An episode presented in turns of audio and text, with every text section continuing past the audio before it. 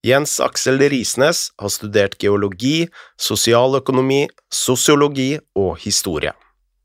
Han har forelest om internasjonale kulturforskjeller for norske eksportbedrifter og undervist på Forsvarets høgskole om de viktigste kulturkonfliktene i en globalisert verden. Han har gjort omfattende reiser årlig siden 1968.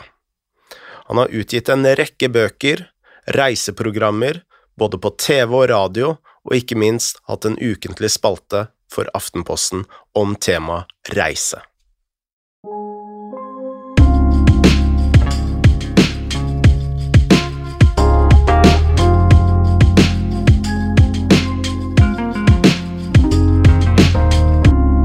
Ja Josimar, ja. Jeg måtte slå opp. Jeg husker, husker navnet. Jeg husker navnet. Men det er Garincha som var min mann. Var Garincha som var din mann, ja. ja. 1962. Over uh, Telstar-satellitt. Det var så dårlig at du knapt kunne se. Jeg husker den der skåringa til tsjekkerne. Så, så kom det en skåring fra, fra brasilianerne. De vant vel 3-1. Det var vel det VM-et Pelé var skada? Jepp. Ja. Og det var i Chile? Chile i 62. Var du der? Nei da, jeg var jo 13 år gammel og satt hjemme i Drammen. Men broren min eh, jobbet i Philips, og vi hadde TV. Ja, okay. Det var jo dritdyre den gangen. TV. Så vi hadde ellers ikke hatt råd til å kjøpe TV, tror jeg. Nei. Vi hadde i hvert fall ikke For det var jo liksom Det var bøker som gjaldt. Ja. Så Nei, men jeg husker, jeg husker Garincha var en djevel til å drible. Og, og jeg, jeg hytte på Kråkerøy ved Fredrikstad, så, så min, min klubb var Fredrikstad. Bjørn Borgen og ja, selv om du var fra Drammen? Ja, fordi eh, klubben min, Dravn, var ikke noe spesiell. De var jo super i bandy Ja. og dritgode i ishockey. De ble jo norgesmester i ishockey, og så la de ned. Ja. De begynte på tredje divisjon, og så gikk de til Chit-Chit. Og så slo de Og det var da Vålerenga var på topp, Ja. med, med disse, her- med disse bandyfolka, vet du. De Du skal ikke sammenligne, jeg syns ishockey er et fantastisk spill. Uh, mitt spill var basket. Basket, ja. Så, fordi jeg var så rask og, og sånn, og snappa baller og sånt, men i håndball for eksempel, og i fotball så er reglene veldig dårlige.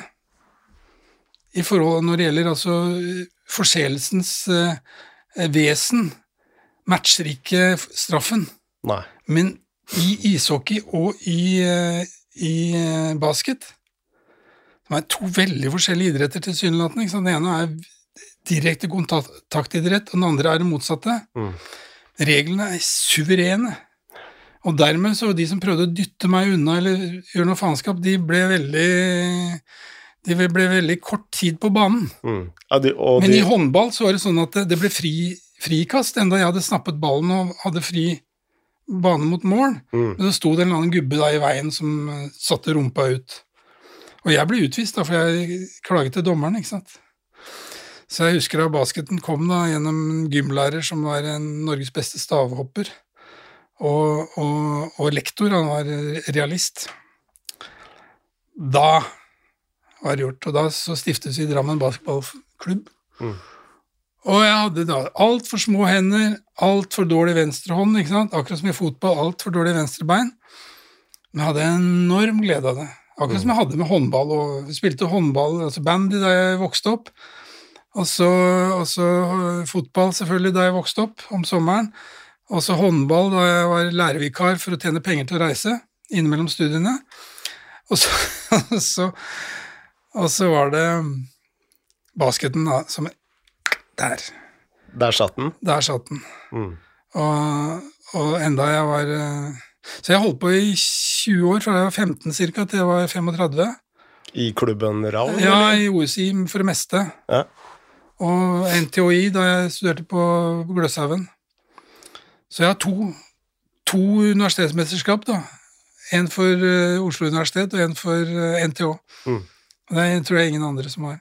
Når du sier realist, altså det ordet har jo fått en annen betydning i dag. Ja, jeg er helrealist med Jeg vet jo derivasjonsregning og integrasjonsregning. Ja, men i dag så har jo ordet realist fått en litt annen betydning, da. I forhold til idealisme, mener du? Eller? Nei, ja, det er veldig uh... I forhold til å forstå Putins vesen? Ja. ja. Altså Nei, helt riktig. Det er, det er jo Som å trekke fram noe som helst positivt den der elendige situasjonen, den er jo helt verdenshistorisk med minusfortegn. mm. Um, hvis du, jeg tok, da jeg tok historie på Blindern, så, så tok jeg Hitlers vei til makten. Og jeg kalte den um, Fikk den til eksamen, så jeg var veldig fornøyd med det. Og jeg kalte den uh, med beste tittelen. Som journalister sier tittel, ikke overskrift, ikke sant? Uh, Versailles-freden, tankestrek. En krigserklæring. For Hitlers begrunnelse for å gå til krig, eller for å gå og grabbe først Sudetenland i Tsjekkoslovakia og så resten, de var helt greie, de, i forhold til Putins. Mm. Putin har ikke bare ingen grunn til å gjøre det, men de grunnene han setter opp eh, altså, De er mer enn intelligensfornærmende. Det, det, er, det, det, er, det trosser enhver en fantasi, nærmest. Mm. Uh, så jeg er veldig glad for at Biden sier, bruker de ordene han gjør. Mm. For det er nok mange som gjerne skulle ha brukt sånne ord om Hitler, hvis de da visste allerede i 1939 før eh, hva som kom etter, etter denne Wannsee-konferansen og greier. Men ja, det lå jo i kortene, for øvrig. Allerede noen uker etter at Hitler trådte til eh, makten i 19, januar 1933, så kom de første lovendringene som var rettet mot jødene. Mm. Så det var litt, samme, samme skjedde jo i Russland òg. Ja, så det var litt sånn parallelt der. at hvis, hvis, man eh, fulgte med, og jeg var en av de som har gjort det siden 1965, mm. Da jeg kjøpte Pax-magasinet eh, som kom ut da høsten 1965, som het Kontrast. Og da var jeg vel vanlig sånn eh, midt på treet eh, politisk interessert. Var du politisk aktiv òg, eller? Nei. nei. nei. Var medlem av Unge Høyre, alle var jo det i sånn gymnassammenheng et år eller noe sånt. For... Eller AKP? Nei, jeg fulgte dem på veldig nært hold. Uh, for jeg begynte på Blindern i 67. Mm. Og var på Blindern fram til 1984 fordi jeg spilte på universitetslaget i basket. Så mm. lenge etter at jeg var ferdig i 73 på selve Blindern og dro til Trondheim for å studere økologi på som postgraduate-år. Da, da, fortsatte jeg jo å ha kontakten, nærkontakten gjennom eh, lagkameratene i basketball. Mm. Og noen av dem kom fra det ene fakultetet, og noen fra det andre, ikke sant, og tredje, fjerde. Eh, så, så, jeg tenkte på det etterpå. Um, og jeg tok Norsk journalisthøgskole fordi jeg ikke hadde noen kontakter i pressen. Um, og hadde ingen i familien som var journalister heller, så jeg, jeg hadde masse poeng da, fra, fra, masse forskjellige fag og sånt. Så, så jeg levde jo det livet fra 67 og framover som som var eh, ja, livet mellom p-pillen og aids. Ja. Det var helt uh, eksistensielt uh, vesentlig. Jeg har eldre søsken, blant annet en søster som født i 37, så hun fortalte meg uh, ganske inngående hvor, hvor, problematisk det var med, med, sexlivet den gangen, fordi man var fryktet å bli gravid. Mm. så vi kunne bare kose oss. Um, veldig viktig. Men på Blindern på den tiden var det ikke veldig sånn AKP-ML-tungt? Ja, det begynte, det, begynte, det begynte, allerede da jeg begynte. Mm. Um, jeg meldte meg inn i noe som het Sosialistisk studentlag, som var en sånn overbygning mellom AUF-stud mm. Og SF-stud. Men det første møtet jeg gikk på, det var veldig spesielt. Uh, det var vel høsten 68 så var det da representanten fra AUF Stud, Hasse Bendiksby, husker jeg han og så var det Steinar Stjernø, som kom fra SF Stud. Begge var enige om å oppløse. Tenkte jeg, fanken, hva var dette for noe? Mm. Er det liksom ikke en Fordi det jeg var interessert i, var ikke den dogmatiske delen, men det var den, liksom den frihetlige. Jeg var jo noe sånn litt anarkistisk anlagt. Eh, lot hår og skjegg gro og sånn, og hadde oppdaget Bob Dylan veldig tidlig. Mm. Så allerede før, før, vi snakker om 70-tallet, allerede på 60-tallet, så mente jeg at han burde få Nobels uh, litteraturpris. Så det var jo veldig moro da han fikk den. da. Mm. Mange, mange, mange mange år senere, men det var nå så. Nei, altså, det fenomenet med de intellektuelle og, og det man på godt norsk, gammel, eh, gammelnorsk, kan kalle synkverving, altså at de hypnotiserte seg selv eh, til en virkelighetsforståelse som var eh, nokså absurd. Mm. Eh, det er fortsatt et eh, Jeg sa det så seint som i dag til en kompis av meg som driver i, i næringslivet, at, eh, og er, er, kunstnerisk anlagt, at um, synd vi ikke har en Freud i dag. Fordi du må inn i psykologien, rett og slett. Akkurat som med Putin. Det nytter ikke å forklare dette her med henvisning til føydalsystemet i det gamle Tsar-Russland mm. etc. Eller at uh, russerne ikke At de kom under tatarene, altså mongolene, og, og ble liksom uh, asiafisert eller mindre europeisert. Uh, eller at de i 988, Vladimir den store, valgte det hadde jo ikke noe valg, i og for seg, for da fantes jo egentlig ikke katolisismen. Men han gikk da til Konstantinopel for å få den religionsvarianten.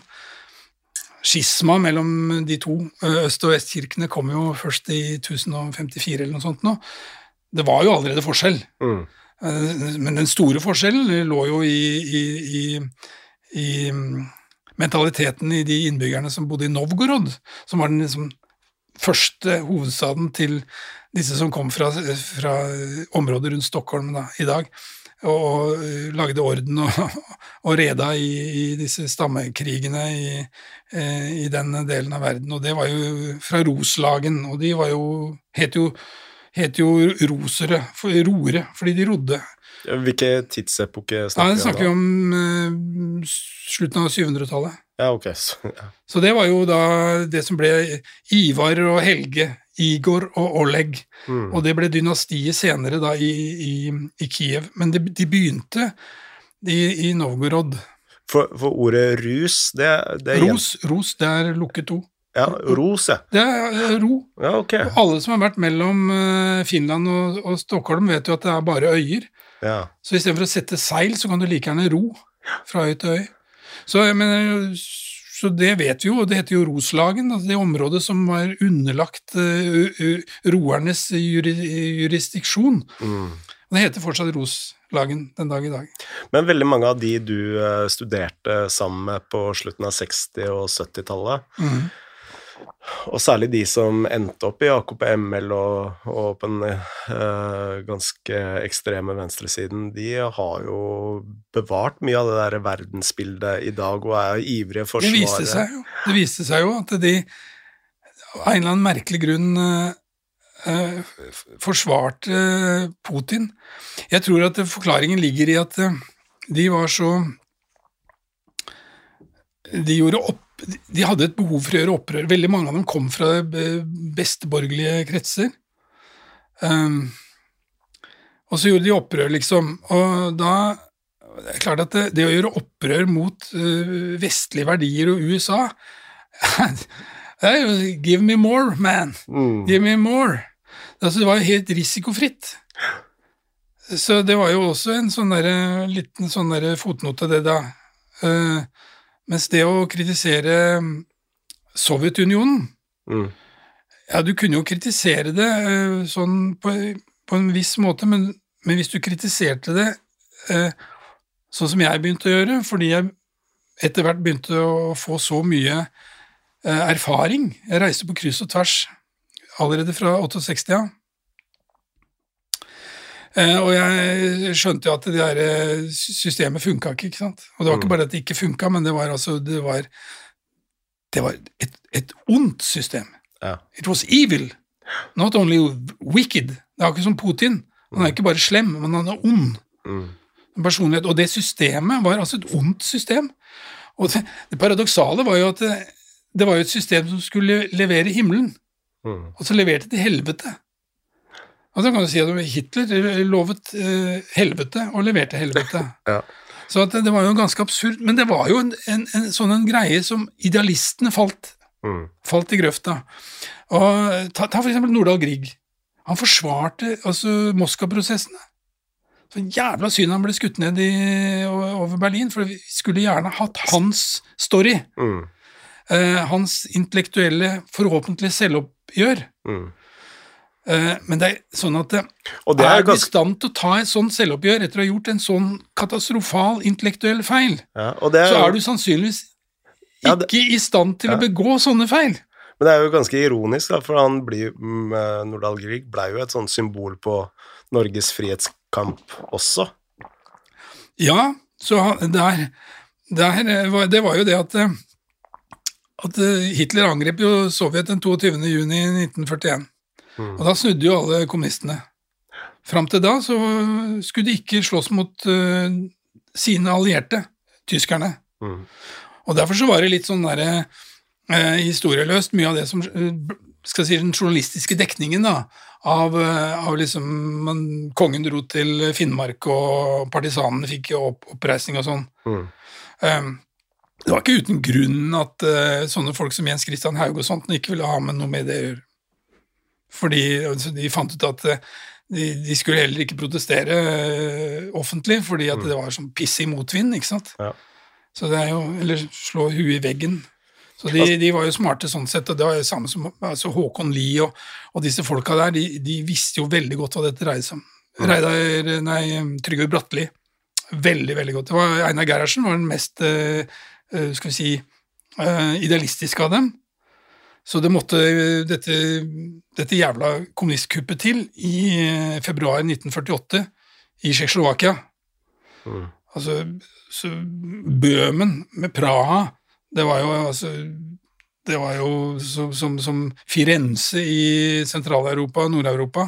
Det var jo liksom Det var så mye kultur, og det var så mye eh, ressurser på alle måter. Kunst, kultur, penger, vitenskap, alt. Og da kommunisten tok det, da snudde Einar. Mm. Og Arbeiderpartiet trengte han som eh, Han var jo den fremste stemmesankeren av, av dem. Beste, Dette- dette beste var- politikeren var Trygve Bratteli. Men alle de andre, uh, Halvard Lange som var utenriksminister, ikke minst bergenseren som uh, var sjef for, uh, for LO, og, så- og, og, så, og så alle sammen, og den unge superstjernen Jens Christian Hauge, var jo klar at Norge med sin økonomi måtte, kunne ikke si nei til Marshallhjelpen. Det var det ene. Det andre var at vi måtte av samme grunn ikke si nei til, eh, til Nato, fordi at det eh, alternativet eh, det nordiske forsvarsforbundet, det var bare å glemme.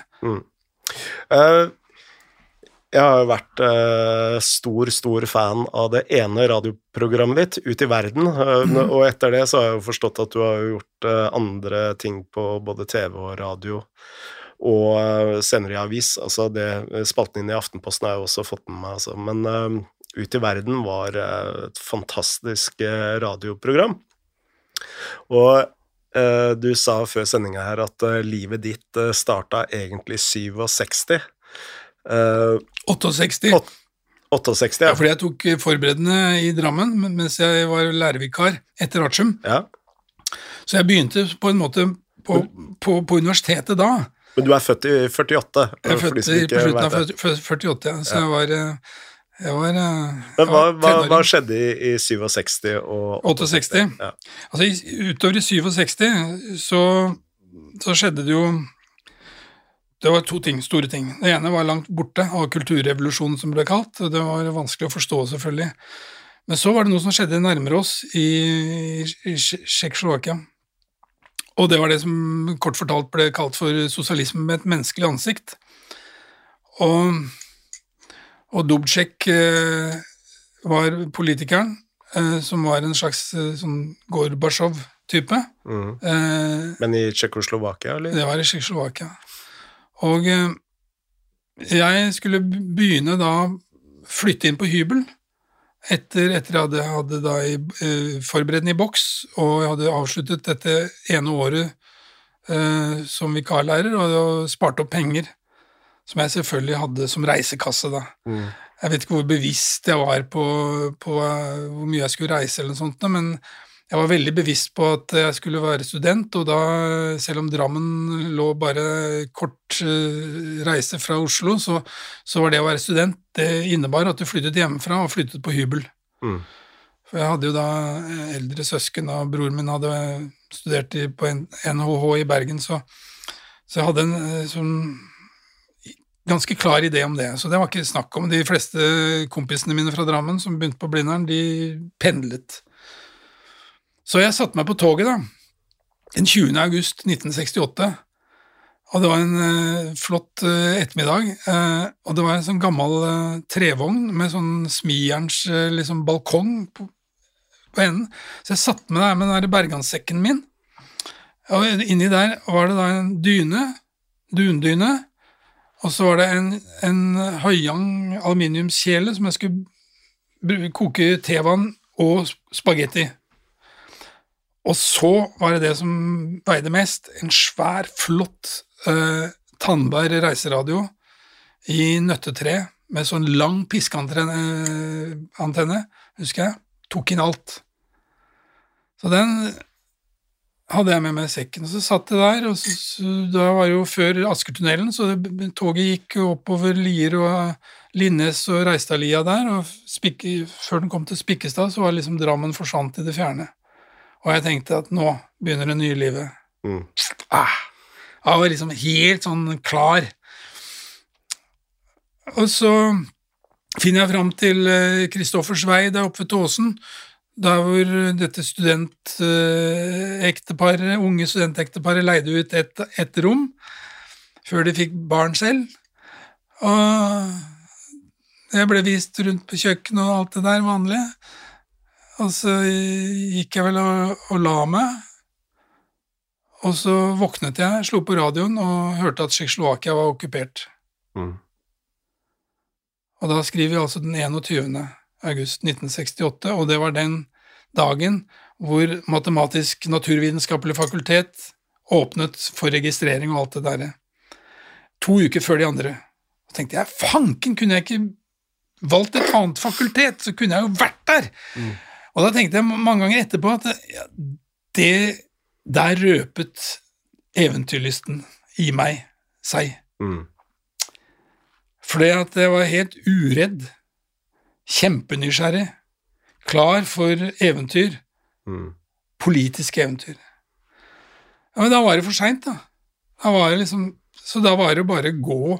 Jeg husker jeg gikk forbi Nordberg gård, gikk gjennom Eventyrveien der på Ullevål Havby og fikk ikke disse bildene som jeg hadde fått fra radionyhetssendingene om tanksene i Og jeg husket da jeg var åtte år og hadde nettopp lært å lese Jeg tror jeg hadde lært å lese de små bokstavene, sånn at det, i oktober-november 1956 så kunne jeg lese eh, billedteksten under de dramatiske bildene av tanks i gatene i Budapest 1956. Mm.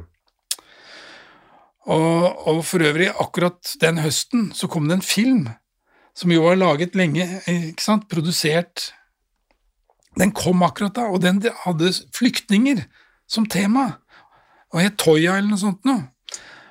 Og, eller Flyktningepiken het Toya, som var hovedpersonen. Og vi skjønte jo at hun var ungarsk. Mm. Hun var jo egentlig ikke det, det var bare en tilfeldighet.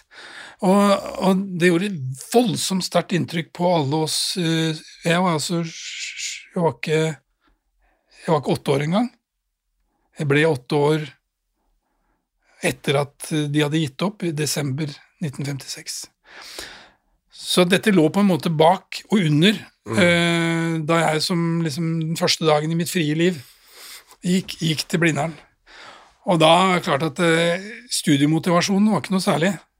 Nei. Og det å lese om eh, matematikk da, det ble nokså meningsløst, husker jeg, så, så fikk ikke noe bruk for det.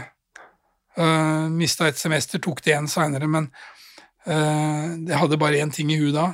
Og så fort vårsemesteret 1969 var over, så skulle jeg dra rett ned til eh, Praha. Og det gjorde jeg. Jeg tok med meg Kongsberg Jazzfestival. Jeg er fra Drammen, så det var jo kort vei. Mm. Og det gjorde jeg de kommende årene også. Jeg begynte ikke å haike fra Drammen før etter at Kongsberg Jazzfestival var over.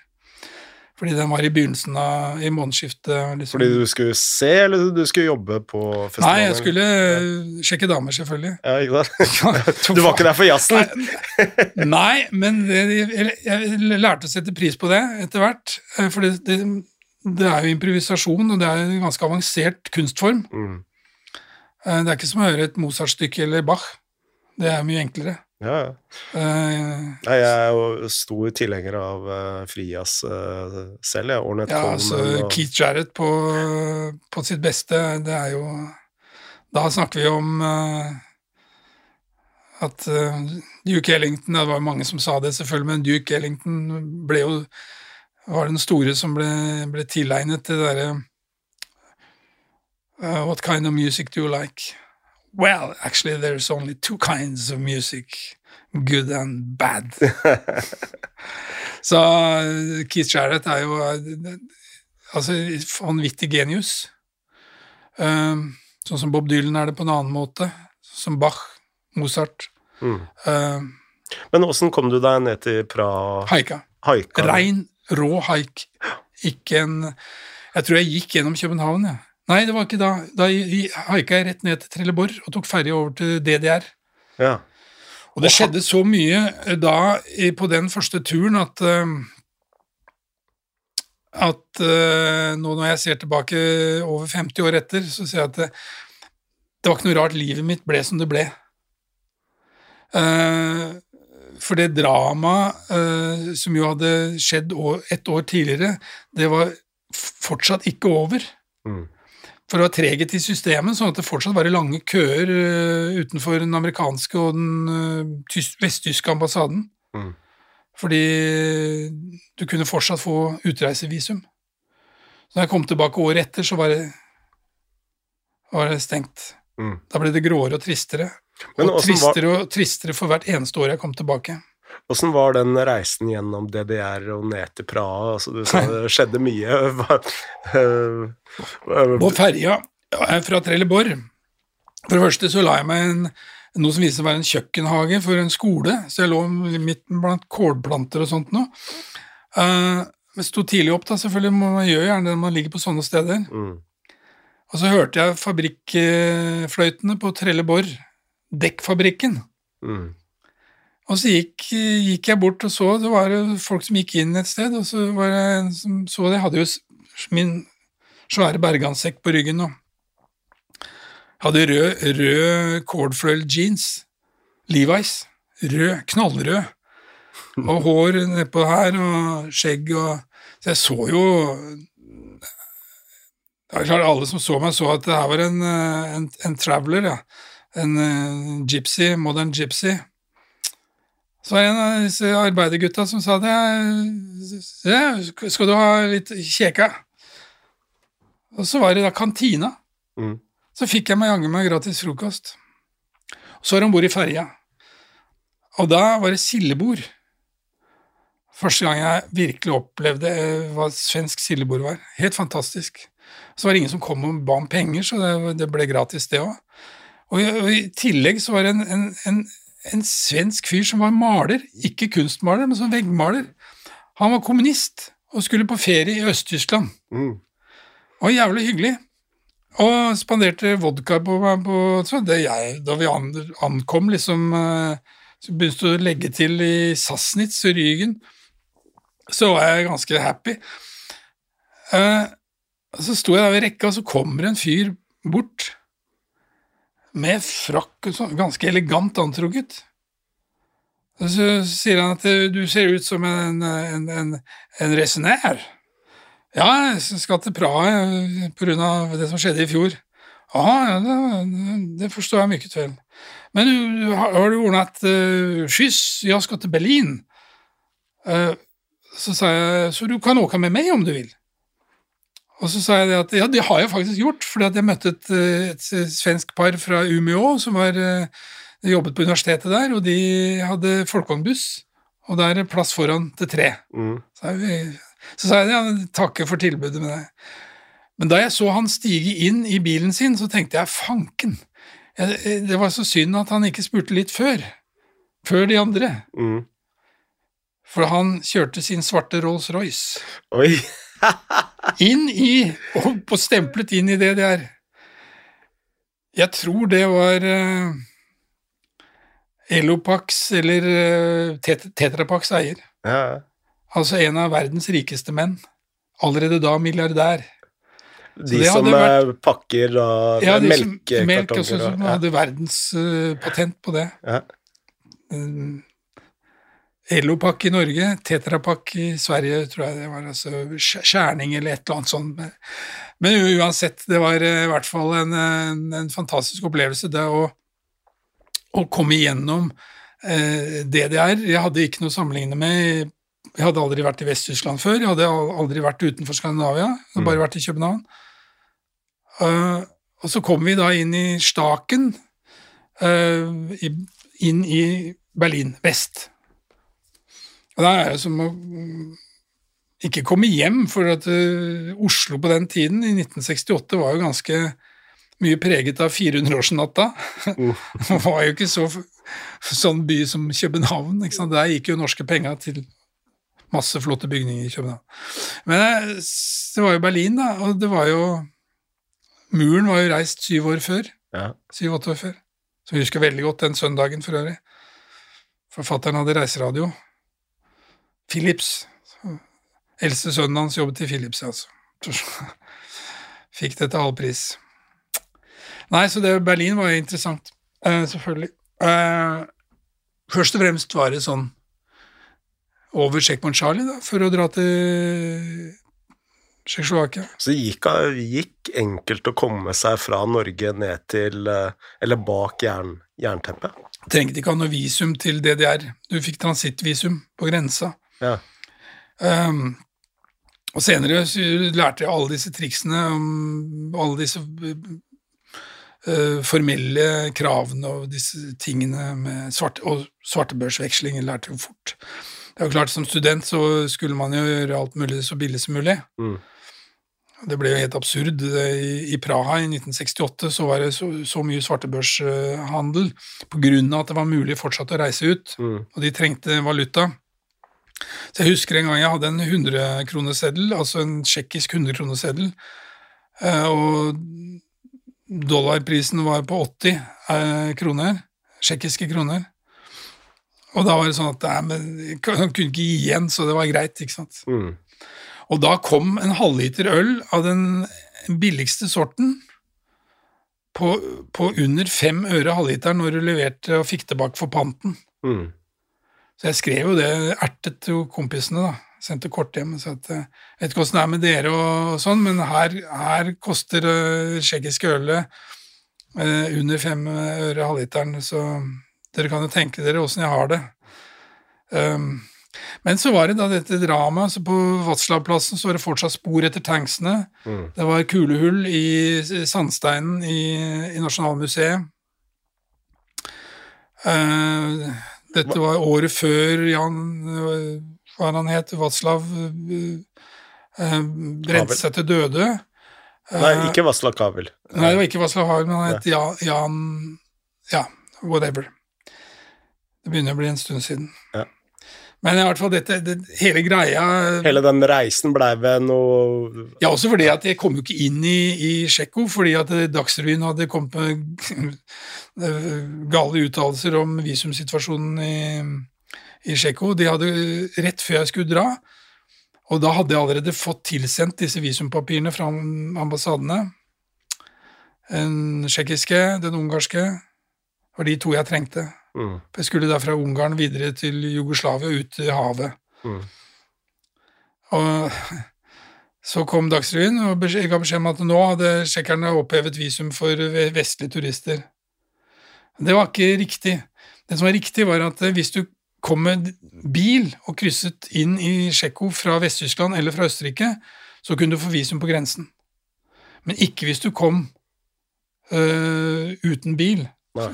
Med tog, eksempel, eller gående, øh, og skulle inn i Tsjekko fra DDR, fra Øst-Tyskland. Mm. Så jeg ble pælma tilbake, og jeg heiv meg på toget ned, og det går jo over grensene, og så tilbake igjen. Så det var ganske Jeg følte meg nokså litt sånn, sånn Tenkte fanken sjek, Tsjekkerne hadde hivd meg på toget som skulle tilbake til, øh, til, til DDR. tenkte jeg, vi har jo ikke vi har ikke diplomatisk forbindelse med DDR, hvordan skal dette gå?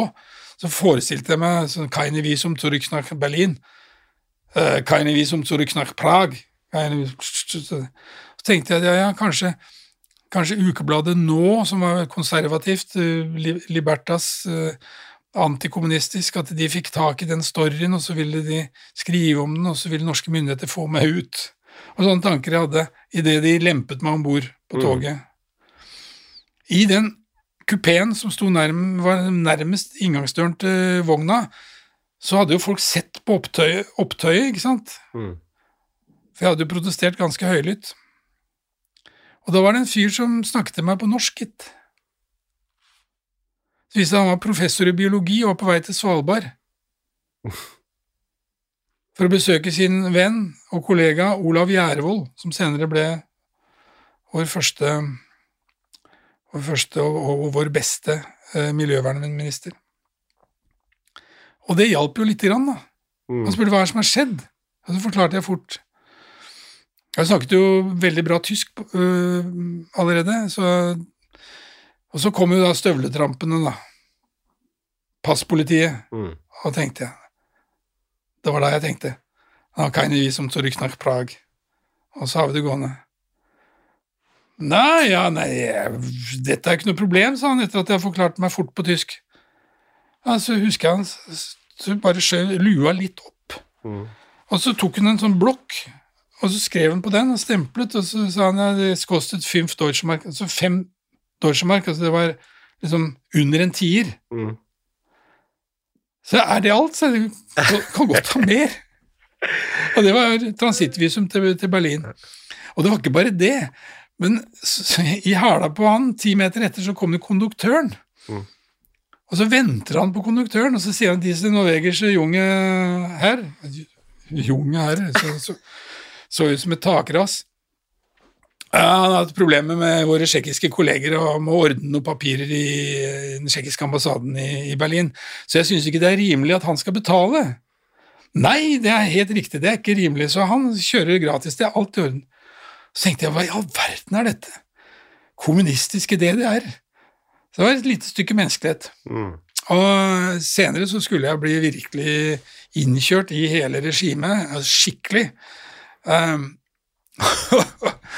og jeg må jo si at, eh, at eh, det var jo um, litt, sånn, litt unntak som bekreftet regelen på én måte, men uh, samtidig så ga det meg en sånn en, uh, en, en basis for uh, en litt sånn open-minded prosess, fordi du kan så lett kjøre deg fast i et tankespor, Ja. ikke sant? Som kan være basert på åssen du er skrudd sammen i huet, eller åssen du er skrudd sammen i sjela, eller noen sånne impulser utenifra, eller noen sånne fikse ideer, whatever. Men der var det i hvert fall omstendighetene helt sånn mirakuløst lagt til rette for et sånt håp. ja, altså du fortsatte jo å reise bak eh, jernteppet. Ja, ja fordi at Eh, det flere tider. Jeg, kom kommer tilbake på natten på, og krysset over til Vest-Berlin og lover der i et sånt hjem for eh, ja, det var stort sett afrikanske studenter som ikke hadde kommet tidsnok tilbake til Øst-Berlin, hvor de studerte på, på DDR-stipend. Mm. Og det var jo eh, oppegående folk, altså, som eh, de snakket jo De som kom fra franske områder, snakket jo fransk, og de som kom fra engelske tidligere kolonier, snakket engelsk. og- Så det var helt kult, og alle snakket jo tysk uansett, så det var, eh, det var interessant. Men Men så kom jeg tilbake over, Ja. skulle jeg inn i i Øst, Øst-Berlin for å komme meg til den tsjekkiske ambassaden. Og så da det var min tur, da Det sitter noen tsjekkiske diplomater der, og det var kjempehøy bunke med pass, og jeg leverer mitt pass, og det bare blir stukket inn i bunken, og den vokser og vokser. Og så kommer sjefen for hele den der Checkpoint Charlie-greia. Sier han Min unge norske venn, si meg, var ikke, skulle ikke du til Prag? Mm. Og jeg sier, Det er en lang historie. Det var et, ja, men Den vil jeg gjerne høre, sa han. Kom med meg. Og så tok han, og hvor er passet ditt? Ja, det ligger i bunken der. Er det røde passet? Så. Så tok han det passet, og så slang han det bort til en av sine underordnede så hadde at stempelen til de så fort. Og så få, få transittvisumstempelet, fiks det der, så det er klart. Og så ble jeg med han inn på kontoret og heiv lua opp på skapet og så sa han fortell. Og Så fortalte jeg hva som hadde skjedd, og så sa jeg at det er dårlig journalistisk jobbing av den norske Dagsrevyen på TV. Ja, ja, ja, journalister kan man ikke stole på. så, Var det derfor du ble journalist? Nei, jeg har jo aldri kalt meg journalist for øvrig. Nei. Aldri. Men uh, jeg har brukt mer historie og lange perspektiver på ting. og det var derfor for øvrig programmet ble en suksess. Mm. For det var ikke journalistikk, vi snakket om de lange sammenhengene både på kryss og tvers. Men i hvert fall da, da vi gikk ut derfra, tenkte jeg det er så gøy. Og, og, så, og, så, ga han meg passet og ønsket meg god reise, og da så jeg bort på disse to bulgarske diplomatene. Og de så på meg med runde øyne. Der jeg så med rød jeans, langt hår, stor skjegg. Og da gikk jeg rett på, og han fortalte meg hvilken trikk jeg skulle ta for å komme til den tsjekkiske ambassaden, så var jeg skikkelig service på Checkpoint Charlie, altså. Mm. Det var helt absurd. Og senere skulle jeg krysse der fram og tilbake, fram og tilbake, og på Friedrichstrasse når du kom med, med O-banen. Uh, og det ble jo en del av liksom den der, sånn derre oppstarten, oppvarminga på de store reisene. Mm. På en måte, Som endte jo i, i Syria og i Libanon og i, Saudi-Arabia, til og med Sudan og sånne ting.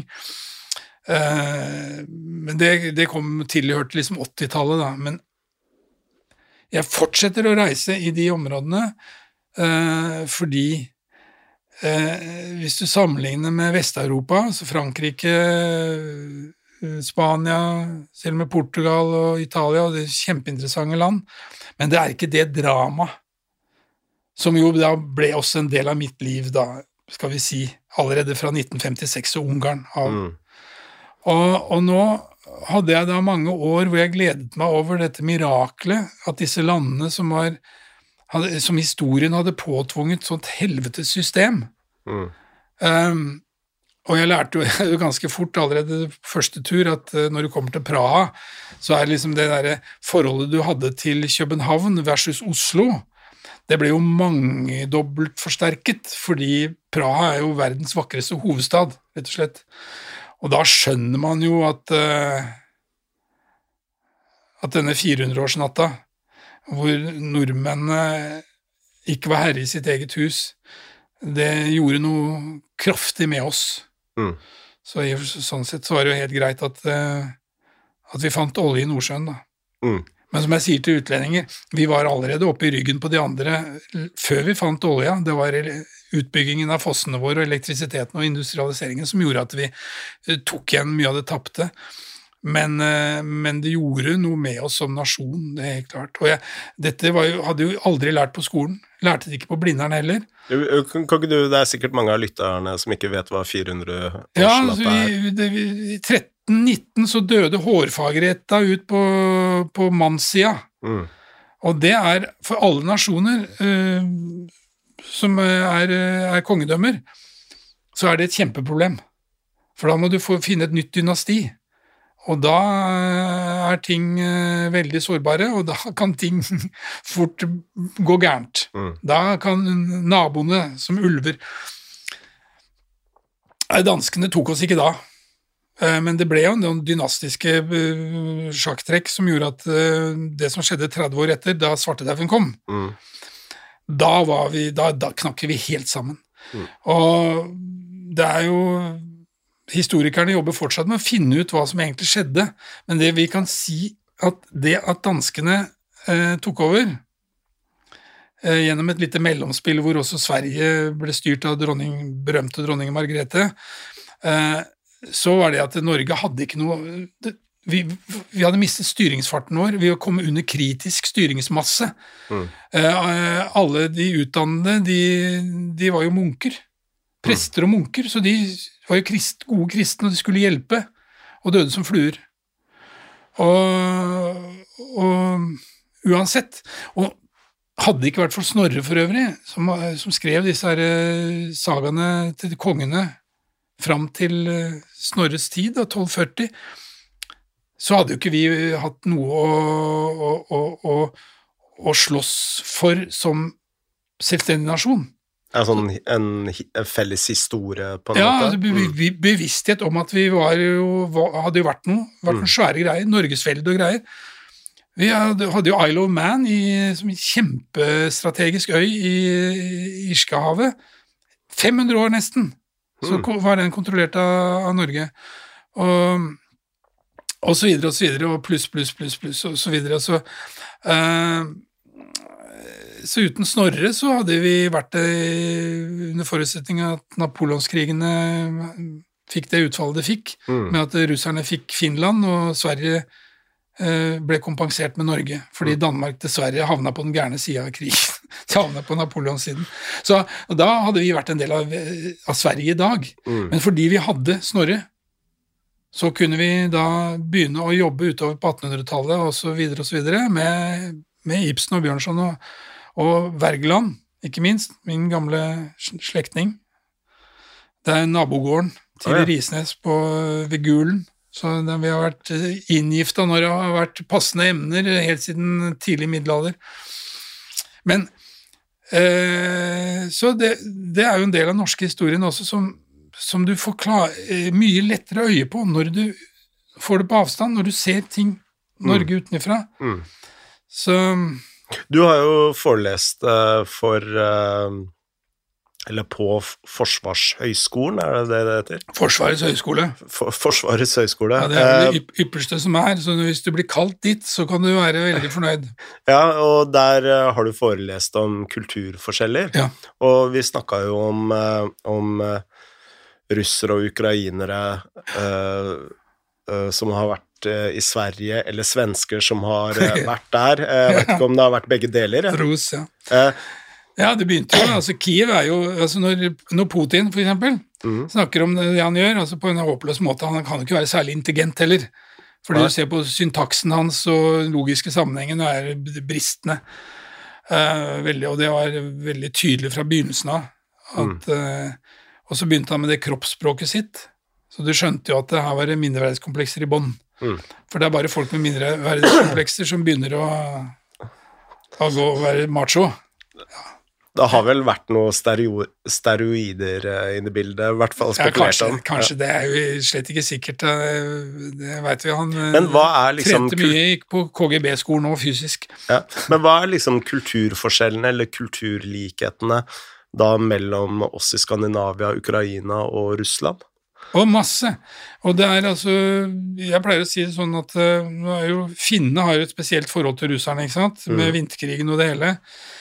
Uh, nordmennene har en grense som har vært uh, fredelig i tu, over 1000 år.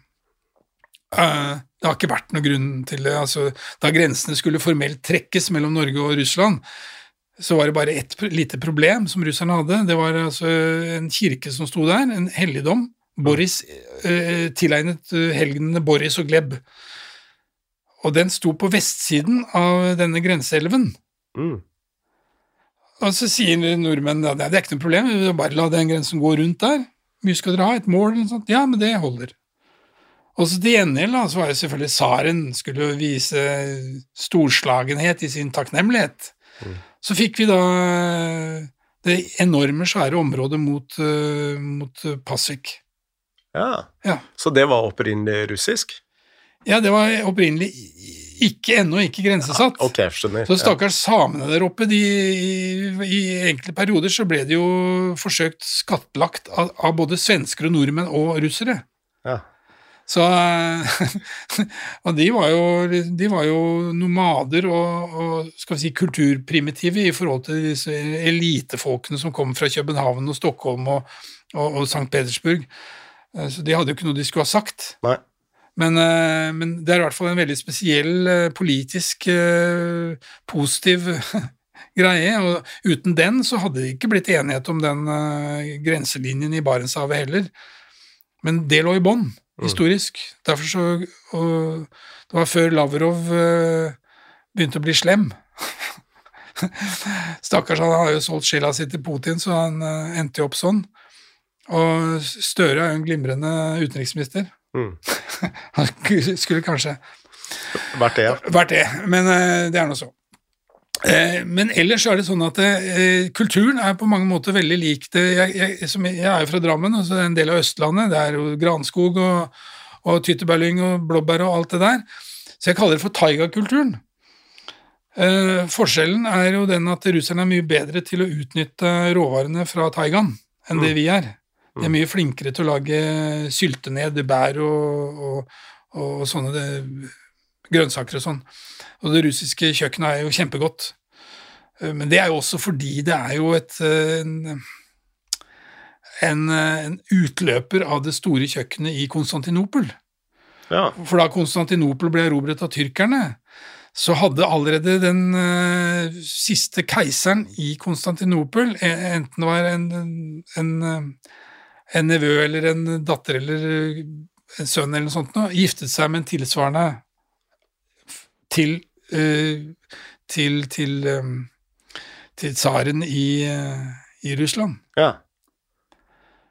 Og da sa tsaren i Moskva at nå er det andre Roma falt, det tredje Roma har oppstått, altså Moskva, og noen flere romaer skal det ikke være snakk om.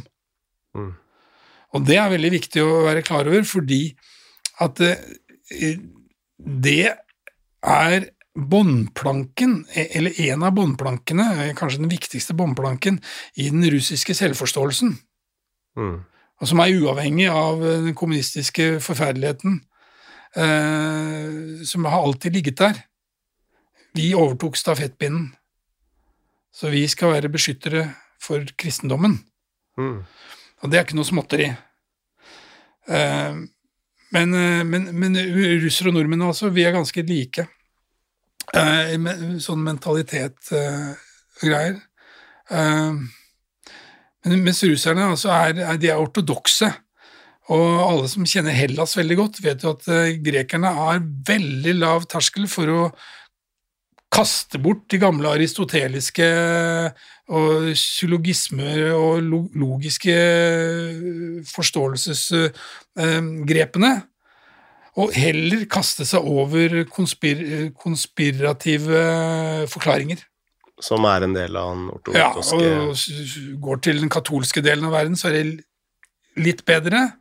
Og så når det kommer til den protestantiske, så er det nesten borte. Ja. Jeg vil si, før internett begynte å nøre opp under igjen. Ja, ok. Fordi før, før internett så sto disse her tullebukkene bare på margarinkasser og mm. Uh, snakka til uh, fuglene i Hyde Park, ikke sant? Så det er en av de store ulikhetene da, mellom russere og nordmenn, kanskje? Det er jo Ja, altså, altså det at ikke At de var jo så uheldige da, når uh, moderniseringen tvang seg fram gjennom at japanerne ga dem fullstendig stryk i kampene i, i den fjerne Østen i 1905. Mm. Og tsaren tilbød seg å gå av, men uh, fikk beskjed om at det, det, av, av, adelen og businessfolka at ikke gjør det ennå. Mm. Vi, vi, vi, legger det litt på is. Men han gikk jo av i februar 1917, så gikk tsaren av. Ja. Så det var ikke sånn at uh, det var Lenins militærkupp i, i november 1917, da, etter moderne tidsregning som gjorde at tsaren forsvant. Det, han var allerede borte. Mm. Og det var allerede en vanlig, normal type regjering, Kerenskij. Og det var allerede så mye som var satt i gang, etter 1905 særlig, med jernbanebygging og modernisering. Så at hvis man forestiller seg at tyskerne, som hadde Lenin under husarrest i Zürich, ikke hadde sluppet Lenin løs på østfronten fordi de ønsket å få flyttet divisjoner over fra østfronten til vestfronten. Fordi de hadde satt seg fast for andre gang, så hadde de satt seg fast i, i, i Flandern. Mm. For de skulle erobre Paris for svingene. Mm. Det var målet ved å slippe den der, den der lett geniale demagogen eh, Vladimir Ilyich Ulyanov, såkalt Lenin, løs på de russiske massene. For de visste at han ville da, med sine talegaver, kunne hisse opp tilstrekkelig antall mennesker i det volatile Russland, sånn at eh, med løfte om fred og brød. Mm. Og som jeg pleier å si, hvis den tyske keiserlige overkommandoen hadde visst at de ikke destabiliserte østfronten noen måneder tidsnok til å få flyttet divisjoner over til vestfronten, men at de ved det grepet destabiliserte en hel verden i over 100 år, Mm. så tror jeg de hadde tatt uh, nederlaget med prøyssisk militær uh, suffisanse. Mm. Og vi vet jo det at eh, Russland er verdens rikeste land på ressurser. Det er ikke så rart når du ser hvor svært det er. Mm. Eh, men man må også si at eh, dette systemet måtte jo bli prøvd en gang. Det var bare så synd at det ikke ble prøvd på Liechtenstein, f.eks. Mm. Så hadde man sett at det ikke funka. Ja. At det var bare å glemme det. Men så ble det prøvd på de to største landa i hele verden, Kina ikke sant? og så kom Kina etterpå, det er en annen sak. Eh, Vi har ikke så mange timer. Men, men, men det med Russland var at de kunne bruke da, eh, og det brukte de jo, eh, millioner av eh, straffanger Mm. til å grave ut gull og diamanter og greier. Og solgte dette på verdensmarkedet og kunne overleve. Til å begynne med så solgte de jo kunst fra eh, de rike. Mm. Kommunistene eh, fikk penger inn, valuta inn, på den måten. Så det var et system, og så, så fordi det ikke funka eh, på, på det basale, nemlig det økonomiske, Mm. så begynte folk å bli misfornøyde, ikke sant? Mm. Hvem som helst. Folk med doktorgrad i økonomi, til folk som ikke hadde utdannelse i det hele tatt, som ikke kunne lese og skrive. Men de fanken, ting blir jo dyrere. Jeg lovte motsatte. Og dermed så øker du presset fra de hemmelige tjenestene. Mm. Tsjeka, som det het. Som var Tsjeka.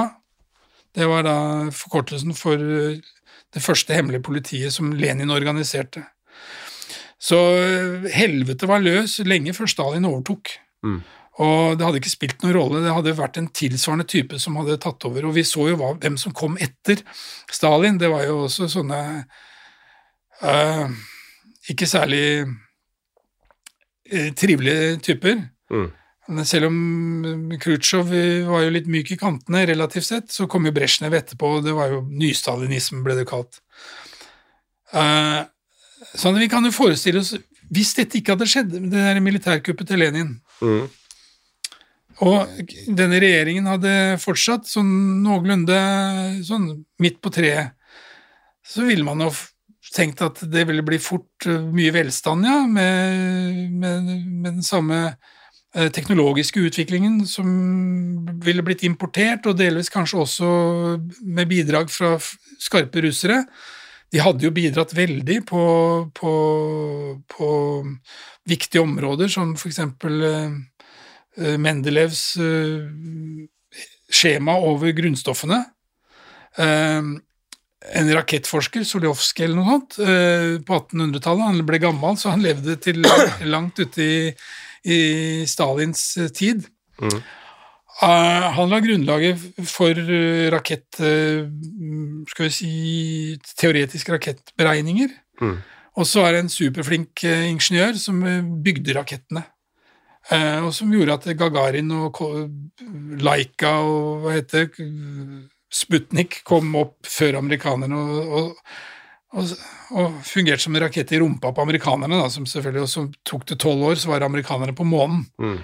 Så det sier jo litt om hvilke ressurser som ligger i, i den eh, frie verden, for å si det sånn.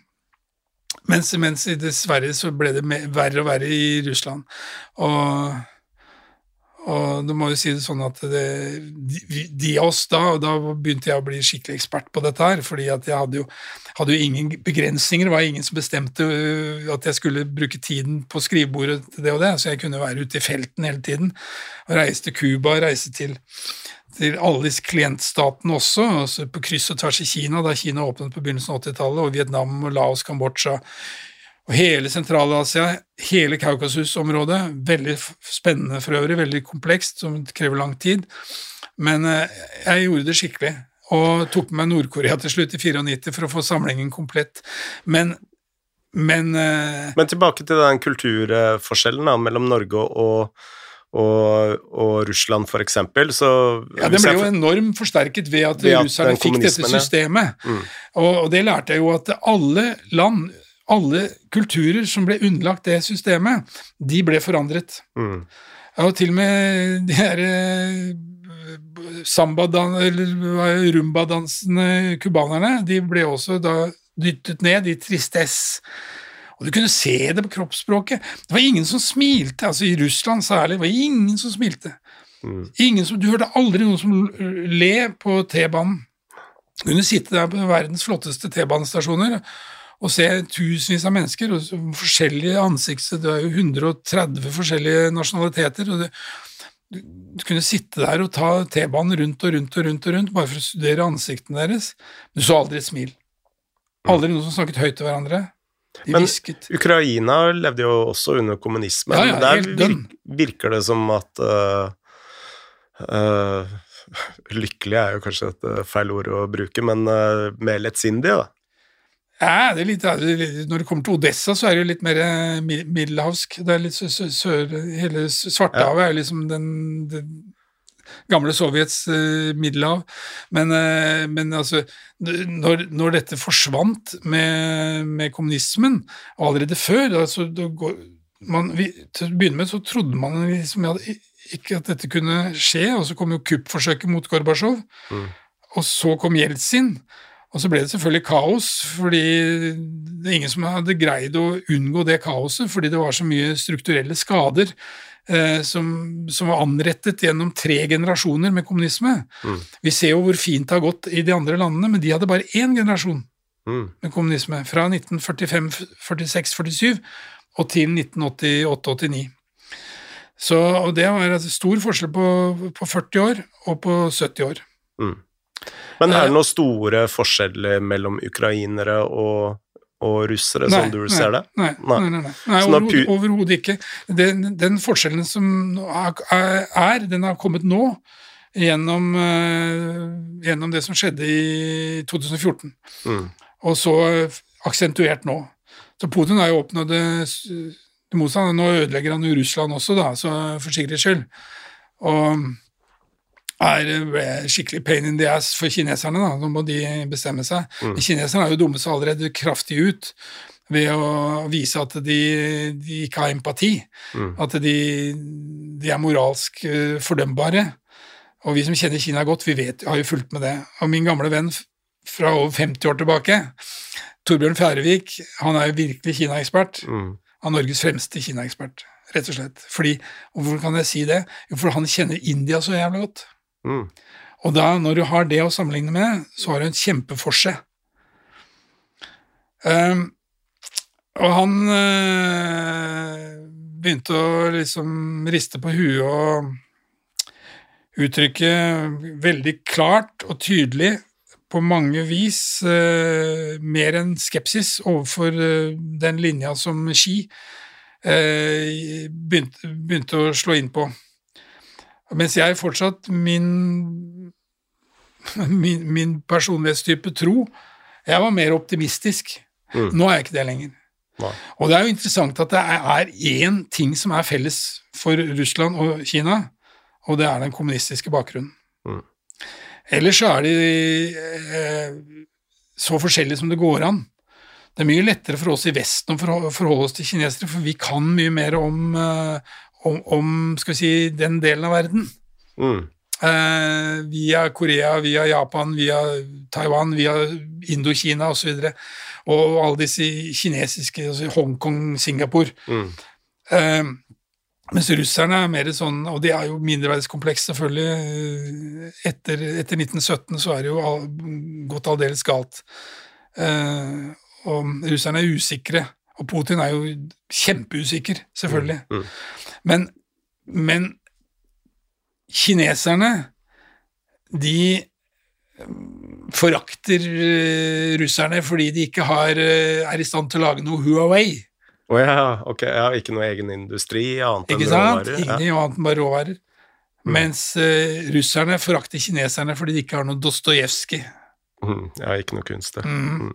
Så eh, det der eh, blir interessant å følge, og det er eh, klart at eh, så tar det jeg sa om eh, rakett i rumpa i 1957, da russerne sendte opp Sputnik. Hæ? Så tok det tolv år etter at, eh, etter at eh, ja, da var jo også Eisenhower fortsatt president i USA, men, eh, men det var jo liksom Kennedy som hadde da den derre Skal vi si den derre eh, informasjons- eh, og, og kommunikasjonsevnen Ja. til å kjøre ut dette her for, for amerikanske folk. Det er jo, var jo snakk om å ha et øye til velgerne sine også, ikke sant? Mm. Du måtte jo overbevise dem at For det kostet jo mye penger. Og det ble jo en vanvittig suksess da, selvfølgelig. Men det, det var jo det, Vi hadde jo sett dette her etter at japanerne var så dumme i 1941 å bombe Pearl Harbor. Mm. Da våknet eh, Hadde du ikke gjort den tabben der, så- ja. oksen, altså. Det, så du skal ikke tulle med Og du ser jo Ukraina nå, altså på åtte år så har de gjort fantastisk framgang. Du ser de unge er så de er så motiverte.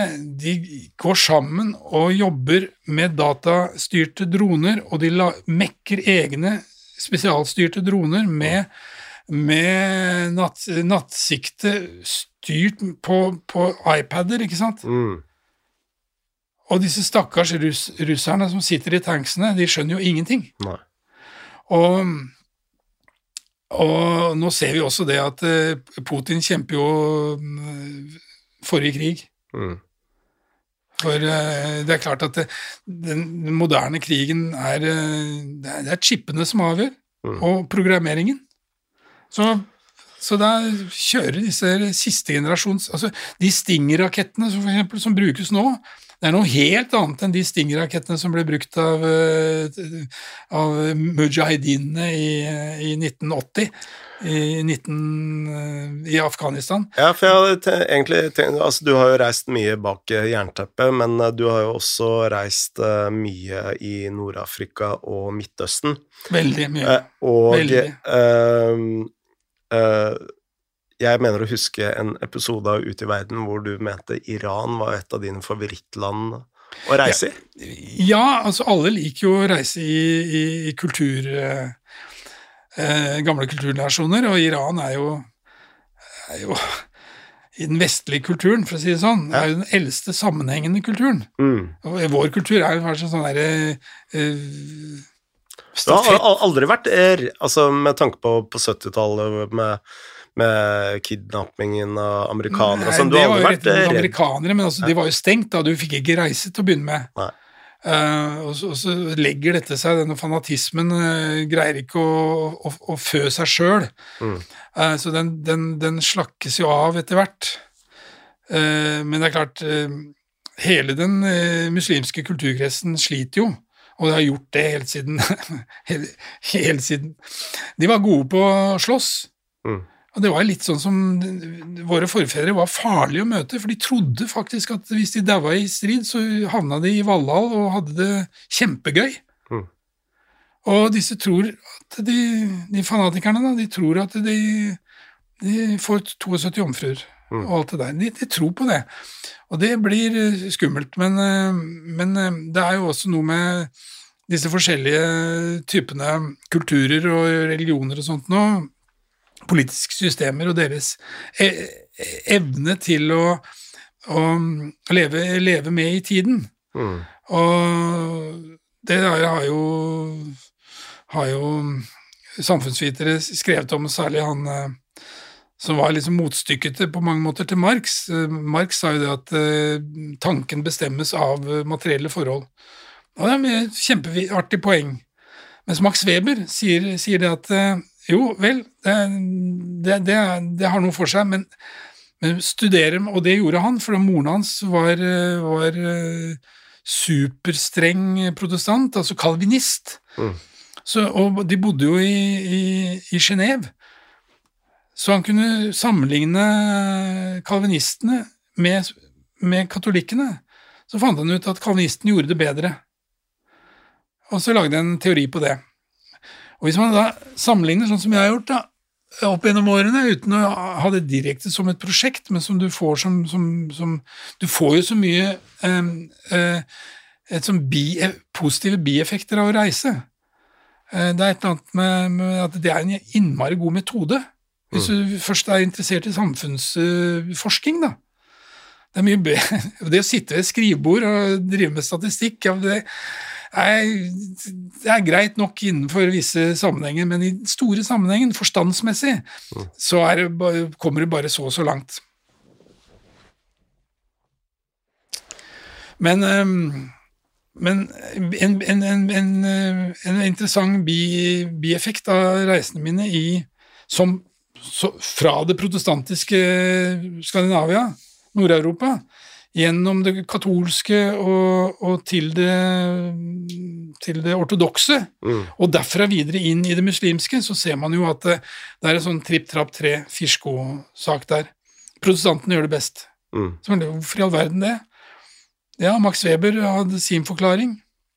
Jeg tror det at uh, hvis du ser hvor protestantismen kommer fra, så er det der det er kalde vintre. Uh, og det betyr at hvis du ikke har ting på stell før vinteren kommer, mm. ja, da dauer du. Mm. Rett og slett. Du får ikke Hvis du har noen gener for å liksom være litt lat og, og liksom litt sånn der uh, Ha huet opp i skyene og glemme Oi, nei, gud, jeg må skaffe ved. Jeg må ordne opp. Hvis du har den egenskapen, da, så kan du leve fint nede i middelhavsområdet. Mm. Og det kan kanskje bli masse artige ting ut av det. Uh, vi protestanter syns jo det er mye morsommere der nede. Mm sørover. Men vi må altså ha ting på stell. Så jeg tror det var det som var grunnlaget for eh, det som førte til eh, Martin Luther. Det var ikke sånn at Martin Luthers ideer førte til eh, suksess. Nei. Men det så du allerede i Hansa-tiden, som begynte allerede på slutten av 1100-tallet, og hvor vi fikk en norsk deltaker, nemlig Bergen. Så, så ser du det hvor fantastisk vellykket Hansa-systemet var. Mm. Veldig vellykket. Det var liksom sånn at det, eh, det var vel så vellykket som uh, disse berømte bystatene i Nord-Italia, Firenze og, mm. og, og, Modena og Padua og, og, alle sammen, Genova, Pisa osv., Amalfi, um, og renessansen. Jeg kan si at det, på mange måter så, så, så ble den, den kulturelle renessansen vel så viktig å, å, se på den som et resultat av, av det som skjedde med, med disse handelsfolka i, i, rundt Østersjøen og i, i Nord-Europa. Mm. Med, med Lübeck som mm, første primus inter pares, første blant likemenn. Og, og du, Bergenserne den dag i dag de endrer ikke dialekt i det hele tatt når de flytter til Oslo. Det er det eneste som ikke endrer dialekt. Fordi selvbildet deres uten at de tenker eh, over det selv. Selv om de sier at vi er, er ikke fra Norge, vi er, ikke, vi er, fra Bergen, så er de mer rett enn de aner. Fordi det var så mange velstående byer som ville være med i Hansa-systemet, mm. og de søkte. Og de ble, bare, de ble bare, med de ja. som Hansa-systemet ville ha. Hva er Hansa-systemet? Ja, Det var altså eh, kjøpmenn i Lübeck og Rostock og sånt noe som slo seg sammen. Mm. Og, og og jobbet mot da eh, dumme dekreer fra konge og adel. Så det var liksom Borgerskapet kom opp, og de brukte da eh, bylover, altså tyske bylover, eh, som var basert på romerretten. Og for uten lov og orden så blir det ikke noe business. Mm. For da blir det de, den sterkestes rett, og da blir det mafiøse forhold. Mm. Og dette varte jo fra 1190 ca. til 200 år framover. Og, og, og, Novgorod i Russland, Novgorod, altså den første, den ble med pga. pels. De trengte pels. Pels var kjempeflott å kjøpe. Og disse byene drev da handel, handel seg imellom? og med, med andre. Mm. Og brygget i Flandern var med, og de handlet da med disse steinrike byene i Italia, som var steinrike pga. Silkeveien. Mm. Også alt som kom fra Kina og India. Eh, så det, det, er en sammenheng der som er veldig viktig å være klar over. Også det med Novgorod. Man sier jo det, Russlands eksperter, historikere, sier at å, det var så synd at Moskva fikk hegemoniet. Hadde det vært Novgorod, så hadde det vært moderne, vestlig orientert. Eh, men da må vi gjøre tanke, eller spranget til, til dagens Ukraina. De var allerede i 2014 så vestorienterte at de gikk til disse her ganske saftige skrittene.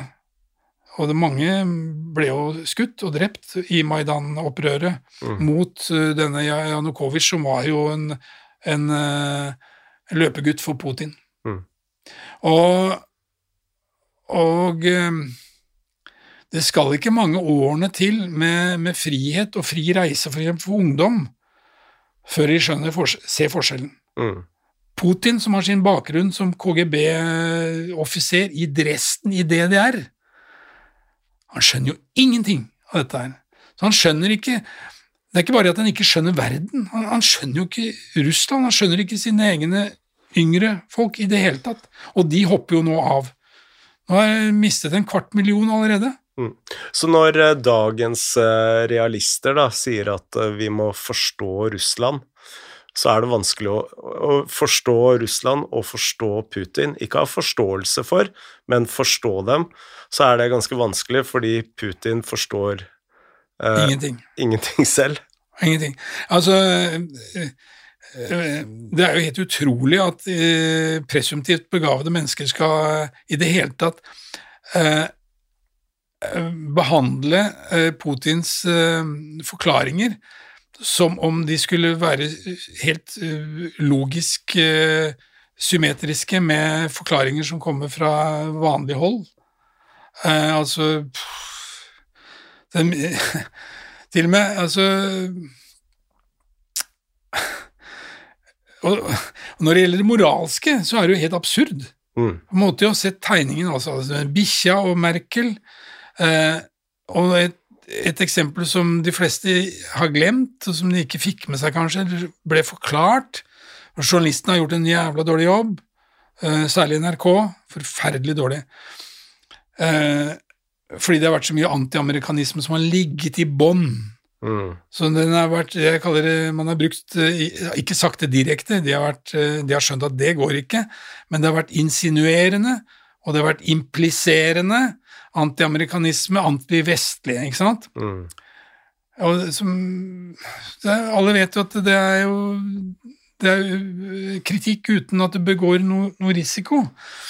Men, Men eh, når du snakker om denne hunden, det er sikkert mange av lytterne våre som ikke har fått med seg hva som skjedde, men Merkel var på besøk hos Putin, Ja, og så vet eh, Putin eh, at Hun har Bikkjeskrekk. Og, og Putin visste det, og den eneste gangen han har latt bikkja si være med, og til og med på fotoops Og du ser jo du ser jo på blikket til Putin at han eh, Ja, der har jeg henne. Men fy fader, Merkel, hun Ja, takla det. da er du psykopat. Da er du psykopat, men Merkel, hun takla det. Hun ø, har jo bra. holdt seg rolig. Men vi må snakke litt om uh, litt uh, Men det jeg eh, skulle si, det ja. eksempelet som eh, var interessant, som han gjorde i 2006, var det vel, Mm. det var det fattigste landet i Europa, Moldova. De har ett produkt de tjener penger på, og det er vin. Og det er ett marked de selger vinen til, og for øvrig utmerket brennevin. Og Er det vinmonopol, eller? Og så begynte de, som det fattigste landet i Europa, rimeligvis og sammen med altså halvparten av befolkningen er jo rumenere, Mm. Og halvparten er russere. De ønsket å orientere seg mot honningkrokene i EU, Mm. og da slo Putin til og sa at nei, nå er det tungmetaller, gitt, i vinen deres. Tungme... åssen- Ja, da var det forurensninger, jeg kunne ikke, da var det embargo. Kunne ikke importere tungmetallvin. ah, Og han gjorde det med norsk laks òg. Mm. En liten, kort episode. Ja, stemmer det. Ja, og med polsk, eh, polsk eh, skinke. Men når vi snakker om rødvin, jeg er fryktelig glad i georgisk eh, rødvin. Ja, Eh, Har du smakt det, eller? Jeg har smakt det som kan krabbe og gå av georgiske viner. Er du klar over at ordet vin er georgisk? Nei, visste jeg ikke. Nei? Da kan du tenke deg Nei, det er sannsynligvis bare, Fordi- av, bare av den grunn, men Ja. også understøttet av arkeologiske funn, er at uh, vinlagingskunsten oppsto der. Ja, det kan jeg tenke meg, fordi de lager jo Sikverer på vi sånn med svære krukker under, eh, Ja, under kjøkkengulvet. Ja. Uh, og det har jo blitt en sånn derre motegreie nå på Vinmonopolet med Pet Natt. og- Alt georgisk blir mote, fordi Georgia er et eventyrland, som Hamsun skrev. Ja. Uh, hvis du skal uh, gi noen anbefalinger til en eh, 30-åring eller 46-åring i dette tilfellet eh, Er det målgruppa di? Det er målgruppa mi. uh, har du noen reisetips? Altså, du, du, når jeg ringte deg, Ja, ja, altså, så, ikke- så var du jo på reise. Ja. ehm, kona mi har lest mye duolingo i italiensk, og hun har jo vært mye i Italia før, og tenkte at nå lager vi en Italia-tur. Eh, og det var moro. Så var vi på eh, vulkanøyene, da, og blant annet Ischia, hvor Ibsen skrev eh, begynnelsen på Per Gynt, hvor han holdt på i, i halvfylla i hvert fall, og rutsje utfor vulkanen, så han, eh, han ble Det var stå- på Sicilia? Ischia utafor Napoli. Ok, ja. Og disse vulkanøyene utafor Sicilia, det er jo det mest berømte er jo Vulcano. Mm. Nei Etna? Hva heter den nå? Etna? Eh, Nei, ikke Etna. Den er jo på, på, på selve hovedøya. Den heter um, Ja, så det er Vulkan, og så er det Lippari, og så er det Filikodi og Alikodi, og så er det Stromboli. Mm. Stromboli. Men da, nå er vulkanen på Stromboli så aktiv at nå er det ikke noe Det er ikke lov å, å gå opp der. Nei. Um, det er nå så, men, eh, men det er også kulturhistorisk veldig interessant, for my mykenerne var der allerede for 3500 år siden. Mykenerne Ja, det var de første, første grekerne. Ja, ok. Første grekerne. Og de, de overtok etter eh, minoerne på Kreta, etter at Santorini eksploderte. Det var Atlantis-myten. Mm. Men eh, hvorfor dro de dit, til eh, øyer nord for Sicilia? Det er et stykke fra, ikke så veldig langt, for grekerne har alltid vært gode på Eller de ble gode nok på, på sjø, sjø. Nei, fordi der fantes det obsidian. Og det er glass, vulkansk glass. Mm. Så brukte de det der hvor vi brukte i Nord-Europa, ellers i Europa, flint Mm. til å skjære. Så det var en stor eksportartikkel. Så det, det er et veldig interessant museum på, på Lipari.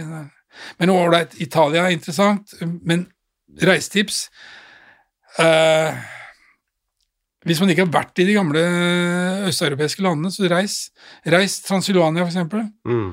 De gamle tyske landsbyene, eh, de tyske byene, Brasjov, Sigersvara særlig, det er et eventyr.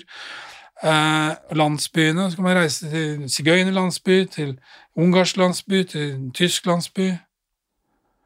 Og Så er landsbyer og ikke hovedstader som uh... ja, disse, mange av disse byene er fine. mm. Veldig fine. Det, jeg har jo nevnt Praha, verdens vakreste hovedstad. Eh, både Bøhmen og Meren, altså Tsje- Tsjekkia er jo full av dem. Eh, ikke fullt så mange i, i Slovakia. Eh, Budapest, perle, selvfølgelig. Eh, og andre flotte byer i Ungarn. Det er ikke, mye, det er ikke så mye nat For oss nordmenn er det ikke mye natur. Altså Nordmenn reiser ikke ut i verden for natu for natur. Nei. Det må jo være sånn ekspedisjonsgreier, men det er noe helt annet. Um, men uh, den vestlige delen av uh, Ukraina er veldig, veldig interessant. Um, På hvilken måte da? Nei, fordi det har jo ligget under så mange forskjellige Det har vært under Polen, under Polen-Litauen, det har vært under ja, Østerrike-Ungarn, det har vært Mm. under en del av den sørlige delen under tyrkerne. Eh, og så etter hvert eh, tyrk, russerne, eller så Mos Moskva, da. Og så kommunistene, og så frigjøring nå i vår tid. Og, og med den der forferdelige hendelsen eh, som ikke er å- ikke er til å fatte, egentlig. Men vi har egentlig sett tegninga. Eh, men det er bare sånn at det, man reagerer ikke før den siste dråpen kommer og, og det begynner å renne over. Mm. Fram til da så, så håper man det beste, og er også bevisst offer for ønsketenking. Man håper jo, ber om at det skal gå bra, så gjør det altså ikke det. Så Jeltsin, Jeltsin gjorde en kjempetabbe da han plukket eh, Putin. Mm. Eh, Så jeg vil si reis, og når det, når dette er over, så reis. Eh, Nå kan man reise i Armenia, eh, i Georgia, i Aserbajdsjan. Anbefales på det varmeste. Det er helt fantastiske land. Tre Mm. små land. Og de er veldig forskjellige. hverandre. Armenia husker jeg også du prata veldig varmt om Ute i verden. Alle de landene der er veldig, veldig, veldig, veldig interessante. Aserbajdsjan er, er jo en del av den persiske kulturkretsen. Mm. Det har blitt islamifisert, og så ble det sovjetifisert, og nå er det, nå er det noe for seg sjøl, med masse olje og, og modernisering. Korrupsjon, selvfølgelig, men modernisering. Jeg er optimist. Får vi se. Armenerne har, har en diaspora, altså en, en eh, befolkning utenfor seg, som eh, blir bare slått av jødenes. Mm. Så armenernes historie er helt fantastisk.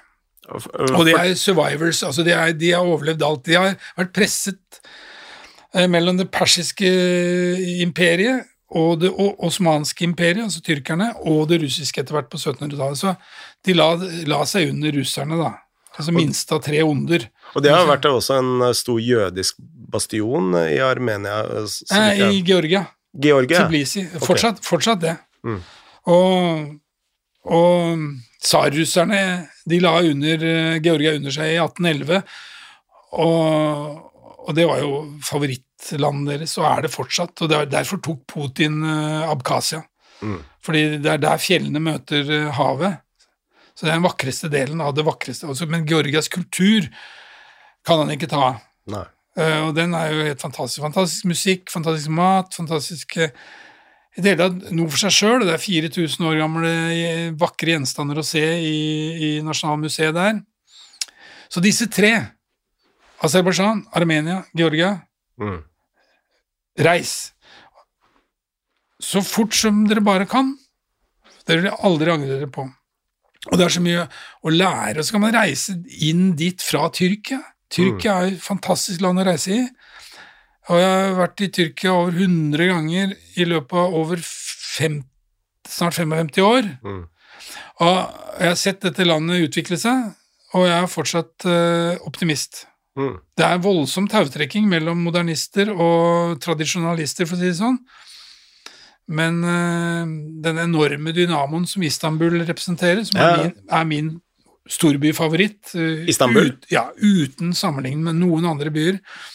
Den utgjør en dynamo som, som får folk inn, hardtarbeidende bønder fra dårlig jordsmonn oppe på høysletta.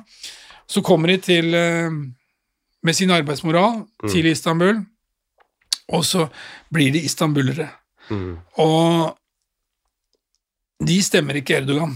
De kan kanskje gjøre det til å begynne med, Mm. men deres unger gjør ikke det. Så hvis vi snakker eh, storbyer, så er det Istanbul og Praha, da, kanskje? Du vil anbefale? Praha sånn sett er ikke en storby. Nei. Nei, men Istanbul er. Ja. Men Istanbul sentrum er ikke så stort, så jeg, jeg bruker bare beina. Ja. Selv når jeg går over Galata-brua, over til, til den såkalte europeiske delen, eh, så kan jeg vel bruke Snorre da, som eh, reiseguide også. Særlig sagaen om, eh, om Harald Hardråde. Han Mm. jobba jo der som eh, fremmedarbeider, som soldat. Han Mm. kom seg jo så vidt fra Stiklestad med livet i behold, 15 år gammel. Mm.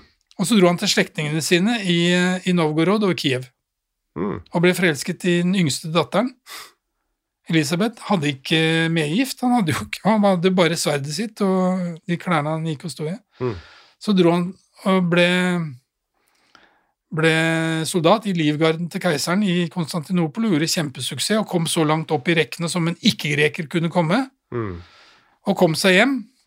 Storyen er jo fantastisk i Snorre, den er jo, den er jo pynta på noe voldsomt, men må man, må man regne med.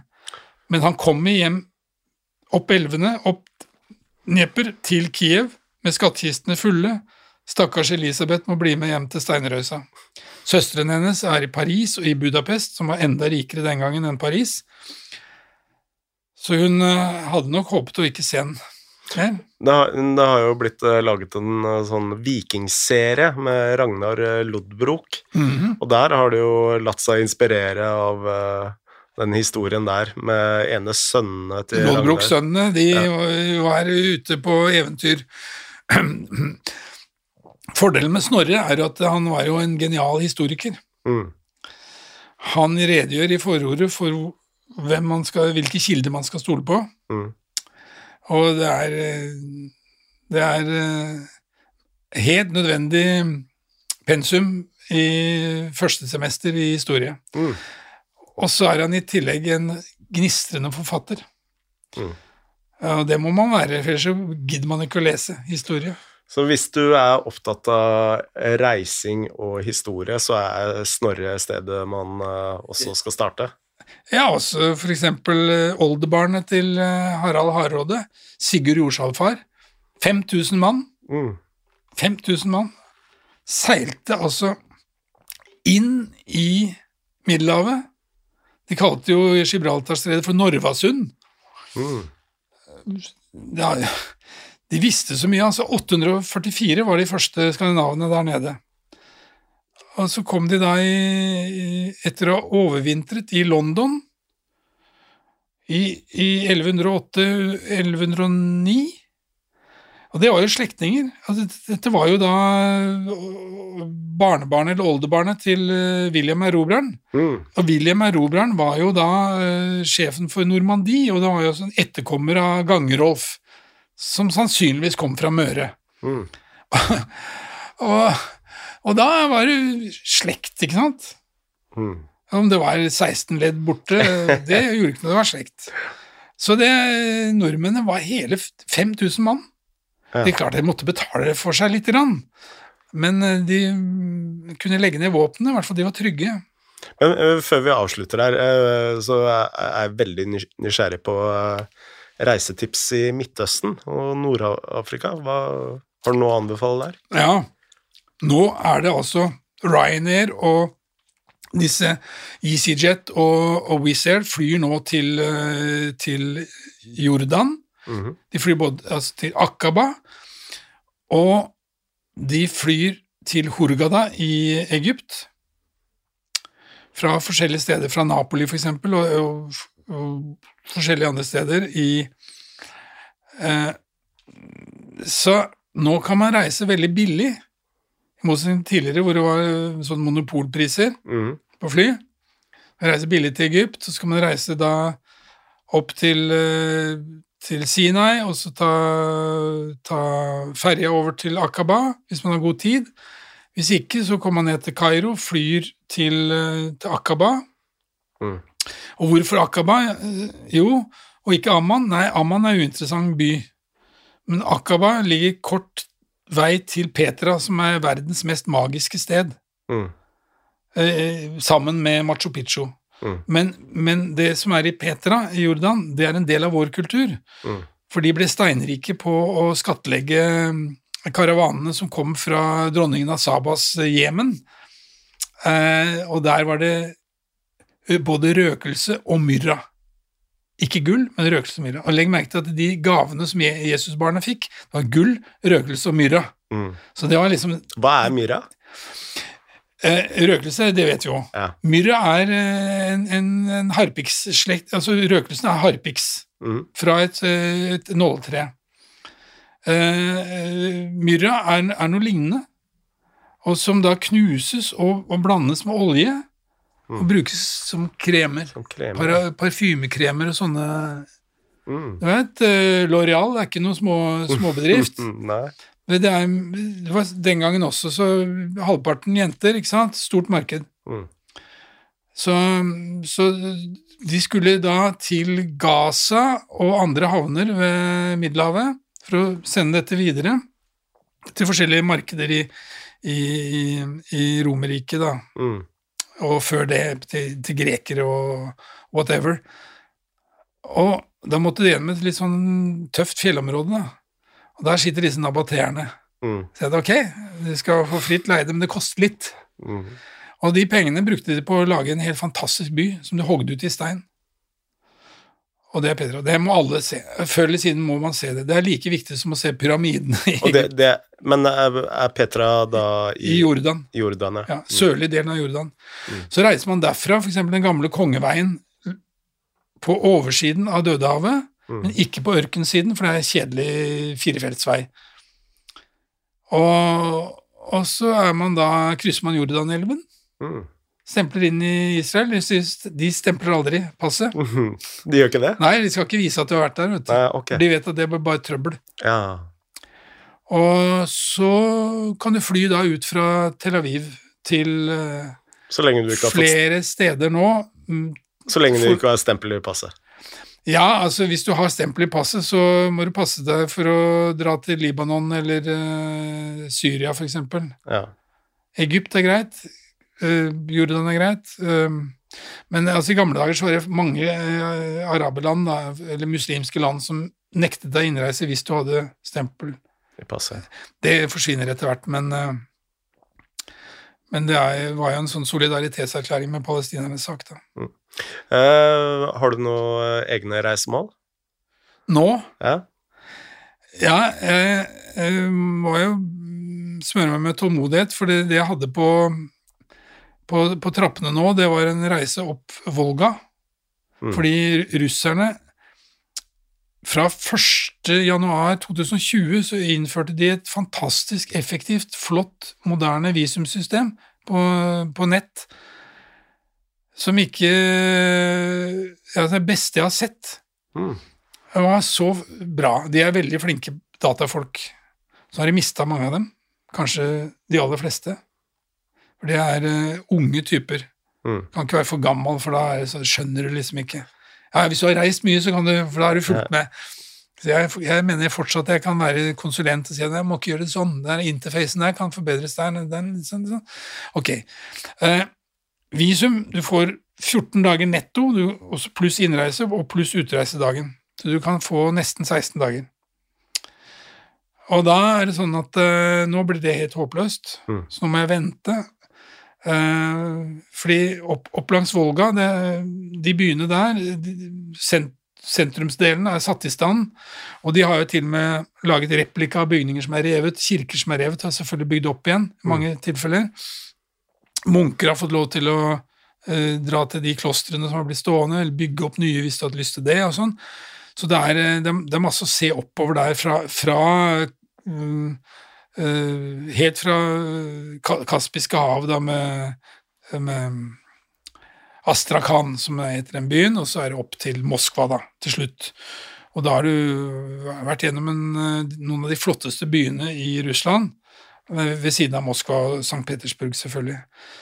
Men da kan du dra ut fra Russland med hurtigtog til, til St. Petersburg, og så kan man ta toget til eh, grensen til Estland, og så kan man med dette visumet eh, bare gå over grensen. Du kan ikke krysse grensen med tog ennå, for de må installere disse instrumentene som kan lese disse greiene. Det har jeg ikke ennå.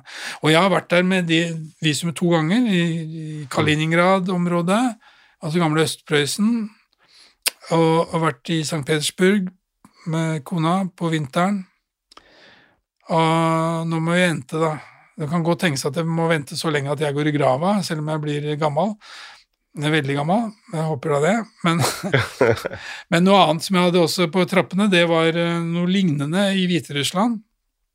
Eh, eh, padle med kano inn over grensen fra Polen Mm. en gammel kanal som er, er over 200 år gammel. Og så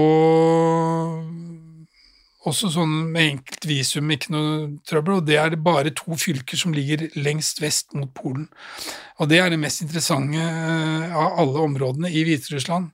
Fordi der er det to byer, en Grodny, som det heter. Eh, Det var veldig polsk. Og så er det, er det Brest, som jo er berømt for sin festing. Det er jo angrepet mot, eh, mot Sovjetunionen i 1941 på en måte begynte. Mm. Fordi det var en stor, gammel festning som også var modernisert. Ja. Sånn at uh, Stalins eh, røde armé holdt ut der lenge. Um, og så kan man da krysse grensen tilbake til Polen, til den flotte, gamle byen Lublin. Og så kan man dra ned til Krakow og Zakopane og, og disse områdene der, og dra over Slovakia og så ned til Romania, inn kanskje da i, i, Ukraina når det roer seg forhåpentligvis så fort som mulig. Mm. Og så kan man avslutte da i Istanbul eksempel, og fly hjem. Mm. Flott reise.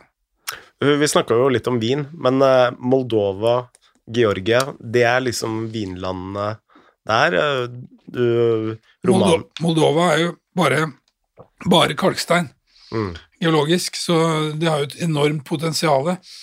Og en gang jeg fløy fra Kishinev, hovedstaden, til Istanbul, så ble jeg sittende sammen med amerikanere og spurte hva han hadde gjort i, i Moldova.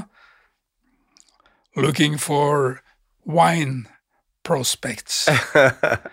Han var stor, eh, stor eh, entreprenør og investor Mm. på uutnyttede vinpotensialer. Mm. Og så spurte jeg uh, in Istanbul, where you fly, you fly home from? No, no, no. I go to Bulgaria. Så, så det var veldig, Og jeg kjenner jo Bulgaria godt også som vinland, og det er jo helt fantastisk hva de har fått til. Og det samme med Moldova, de er i gang. Men må, man må ha hjelp utenfra, både med ekspertise og med kapital.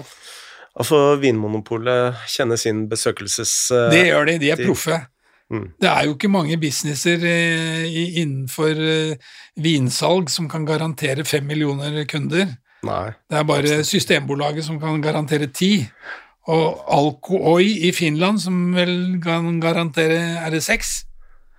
Så eh, de tre der er Der finner du mye oftere bedre kjøp enn du kan finne i den, selv den beste vinhandelen i England eller i Tyskland eller i Danmark.